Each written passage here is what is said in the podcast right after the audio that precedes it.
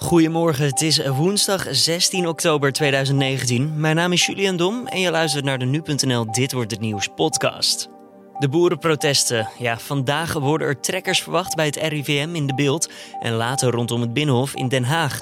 En dat betekent een nieuwe dag vol drukte op de weg. We hebben gezien dat de werkzaamheden die van start gingen op de Galenkoppenbrug ook veel vertraging rond Utrecht uh, gaven. En dat is voor ons aanleiding om toch uh, de weggebruiker het advies te geven om de uh, ja, snelwegen rond Utrecht te mijden of de reis uit te stellen.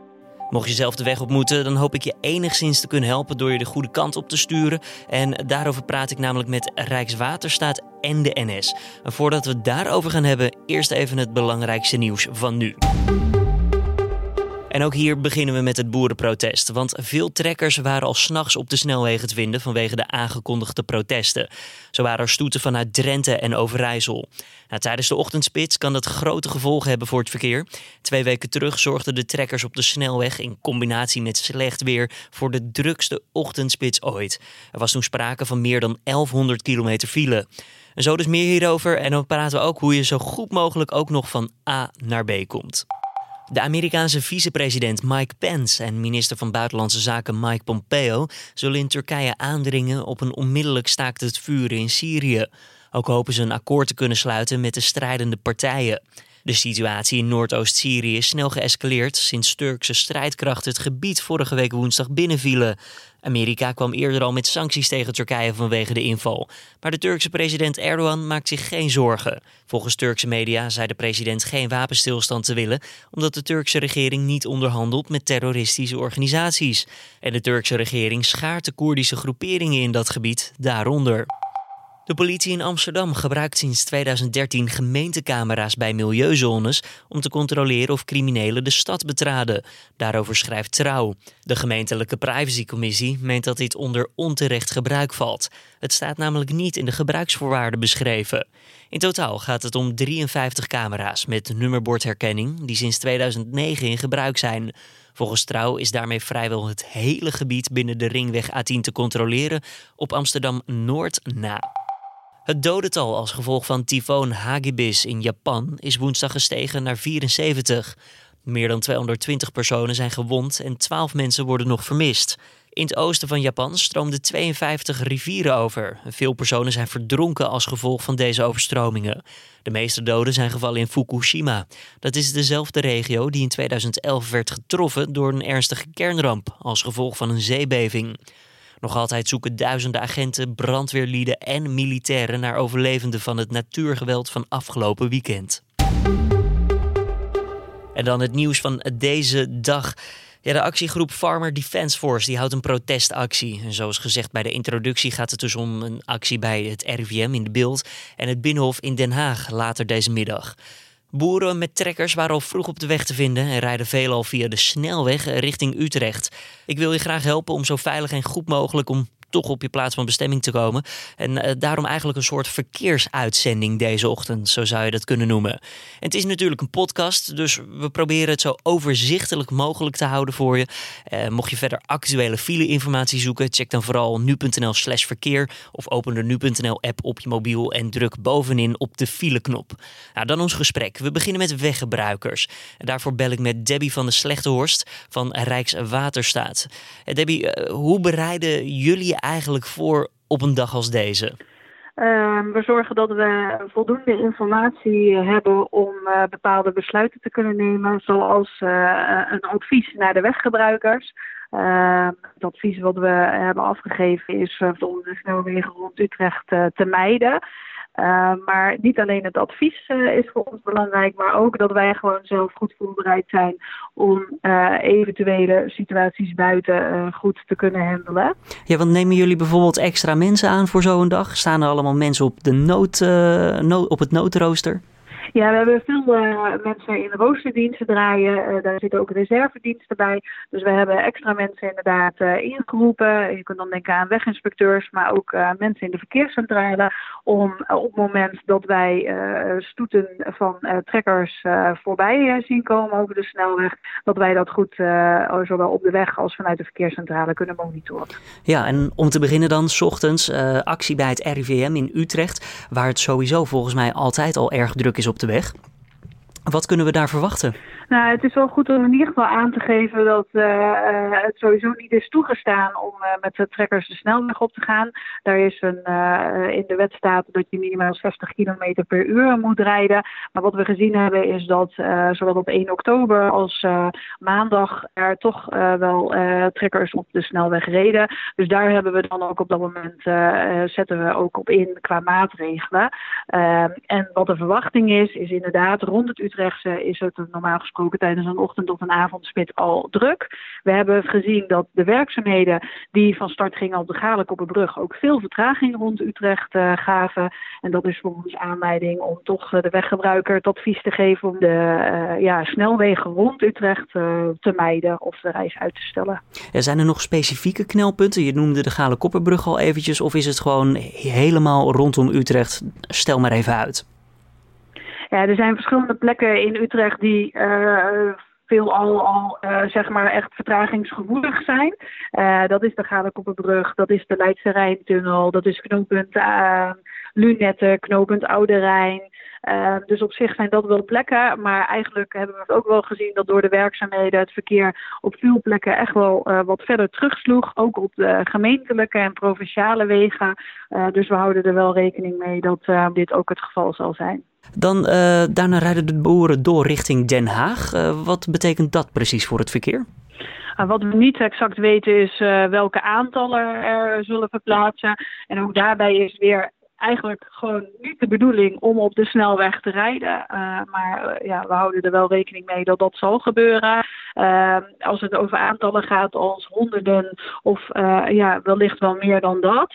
Ja, dan zal dat ook tussen Utrecht en Den Haag aan het einde van de ochtend, begin van de middag voor heel veel vertraging voor de weggebruiker zorgen. En wat nou voor de weggebruikers die zo'n ja, stoet aan trekkers tegenkomen op de snelweg? wat moet je doen? Waar moet je op letten? Wat het belangrijkste is, is dat uh, beide uh, doelgroepen, dus zowel de trekker als de weggebruiker, beseffen dat er een enorm snelheidsverschil is. een auto kan natuurlijk veel malen harder dan een, een trekker. Dus pas je rijstijl aan. Uh, wij zullen als Rijkswaterstaat zelf ook uh, daar maatregelen op nemen. Als we echt zien dat, de, dat er enorme stoeten gaan en dat dat gewoon wel vertragend werkt, zullen wij zelf ook gewoon wel de snelheid verlagen. Om uh, te zorgen dat ja, beide doelgroepen van, veilig van A naar B kunnen rijden. Want, dat zie je dan ja, aan die matrixborden boven de weg. Zeker, ja, dan, uh, dan wordt dat verlaagd. En normaal gesproken is dat gewoon al sowieso als er langzaam rijdend verkeer. Maar wij kunnen zelf ook gewoon dan vanuit veiligheidsoogpunt zeggen van oké, we zetten die snelheid lager om in ieder geval het verschil een stuk kleiner te maken. Want uh, voor ons op het moment dat zij op de snelweg rijden is het allerbelangrijkste dat iedereen veilig van A naar B kan komen. Hebben jullie bij de Verkeersinformatiedienst van Rijkswaterstaat ook nog toevallig een kaart of een map voor handige sluiproutes die je op zulke momenten kan gebruiken? Nee, want sluiproutes zijn meestal, zeg maar, dat noemen wij onderliggend wegennet. Dus meestal de, de gemeentelijke of provinciale wegen. En ja, wij als Rijkswaterstaat hebben echt, zijn de wegbeheerder van de snelwegen. Dus die hebben we niet. En ik vermoed maar zo dat ook op dat onderliggende wegennet er weinig ruimte zal zijn om om doorheen te gaan. En dat het vermoedelijk ook alleen maar aansluit in de file is. En de, ochtends, nou behoorlijk wat drukte dus. Is die ochtendspits waarschijnlijk een, ja, gelijk aan de drukte die we s'avonds kunnen verwachten? Dat is nog heel lastig om uh, aan te geven, omdat we niet precies weten hoe uh, de manifestatie in uh, Den Haag zal verlopen. Dus vandaar dat we eigenlijk ook het bericht echt gericht hebben op de ochtend rond Utrecht en de verplaatsing van de beeld naar Den Haag. Um, en in de loop van de dag, zodra we meer informatie hebben, zullen we ook daar weer actief over gaan berichten. Ja, Debbie, dan nog even een laatste vraag. Kunnen jullie wel op je werk komen of werken jullie allemaal vanuit huis? Uh, wij uh, kunnen op ons werk komen omdat wij uh, dan ja, in een opgeschaalde situatie werken. Dus wij beginnen extra vroeg. En ik vermoed maar zo dat we dan net nog voor de drukte op kantoor kunnen komen. Nou, hopelijk is het iets duidelijker hoe je van A naar B komt deze dag over de snelweg.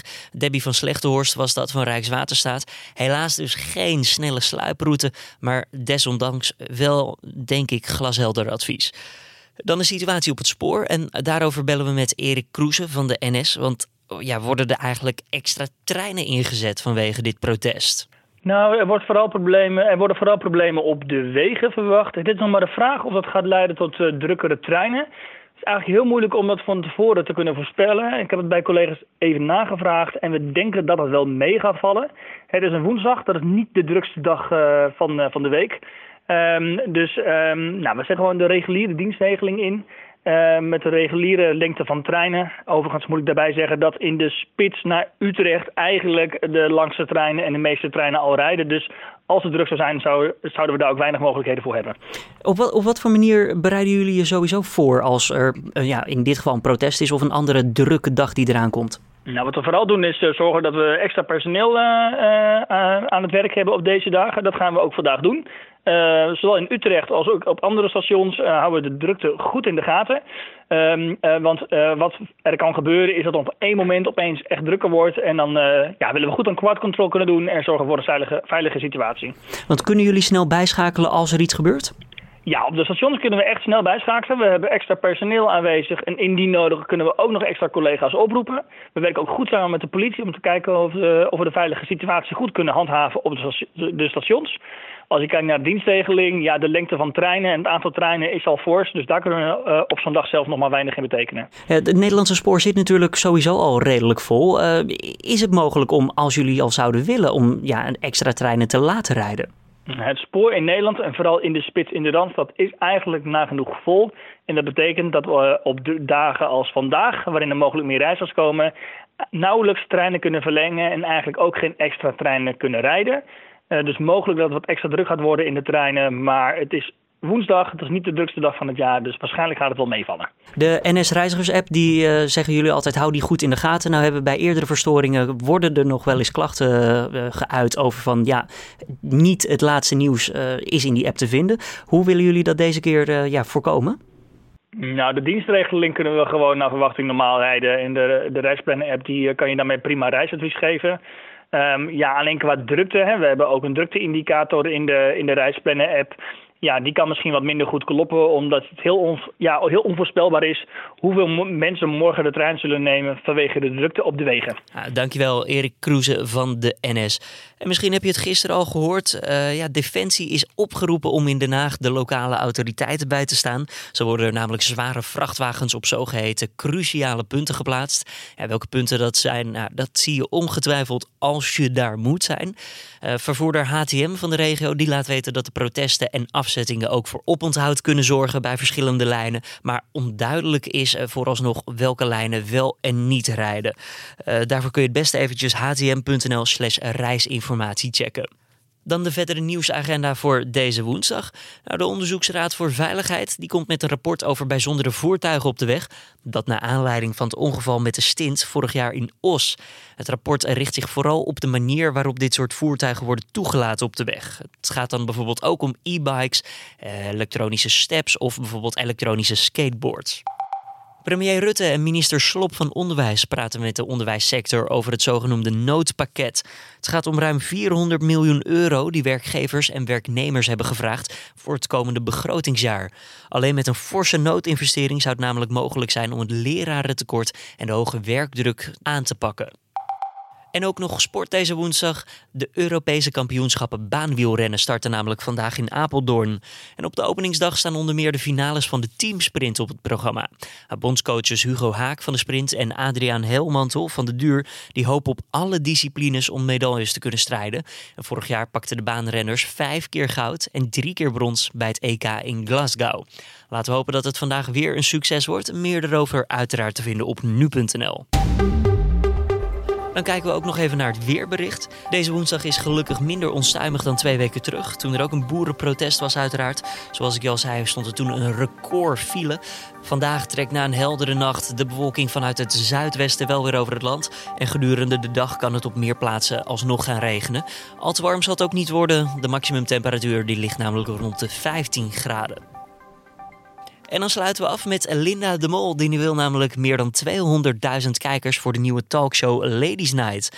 Het programma dat wordt gepresenteerd door Merel Westerik. Die maakte de overstap van RTL 4 naar Net 5. Is vanaf vanavond wekelijks te zien om half tien s avonds. En hoe zijn ze nou gekomen op die 200.000 kijkers? Nou, dat legde Linda de Mol tijdens De Wereld Draait Door gisteravond al eventjes uit. Uh, we hebben dat van tevoren uh, hebben we een beetje gekeken van wat doet het normaal op net 5 rond dat tijdstip. Mm -hmm. Nou, iets van 250.000 op een goede avond 300, 350.000. Um, mensen moeten het vinden. We zitten ergens op 9 op de afstandsbediening voordat je er bent. Dat duurt even. Het is een kleine zender. Als je ziet dat Bo op RTL 4 op een woensdagavond gemiddeld 325.000 kijkers mm. heeft, dan denk ik dat wij reëel moeten zijn. En alles boven de 200.000 is oké. Okay. Vanaf 250 word ik blij. 300.000 hangt de vlag uit. En onder de 200.000 heb ik een lichte depressie. Hey. Klare taal. Nou, en mocht die depressie er komen, ja, Linda de Mol heeft volgens mij ook weer genoeg succes in haar leven om daar snel weer vanaf te zijn. Dit was dan de Dit Wordt Het Nieuws podcast hier weer bij Nu.nl. We stonden om 6 uur ochtends online, zoals elke doordeweekse ochtend. En je kan ons vinden op de voorpagina van Nu.nl. Tips of feedback? Laat het ons weten via podcast.nu.nl. We krijgen de laatste tijd meer mailtjes binnen, dat is hartstikke fijn. En uh, ja, we bespreken de mails vaak op vrijdagmiddag tijdens een speciale podcast-uitzending van De Week van Nu. Voor nu in ieder geval een goede verkeersdag als je onderweg bent. Succes, doe voorzichtig en tot morgen weer.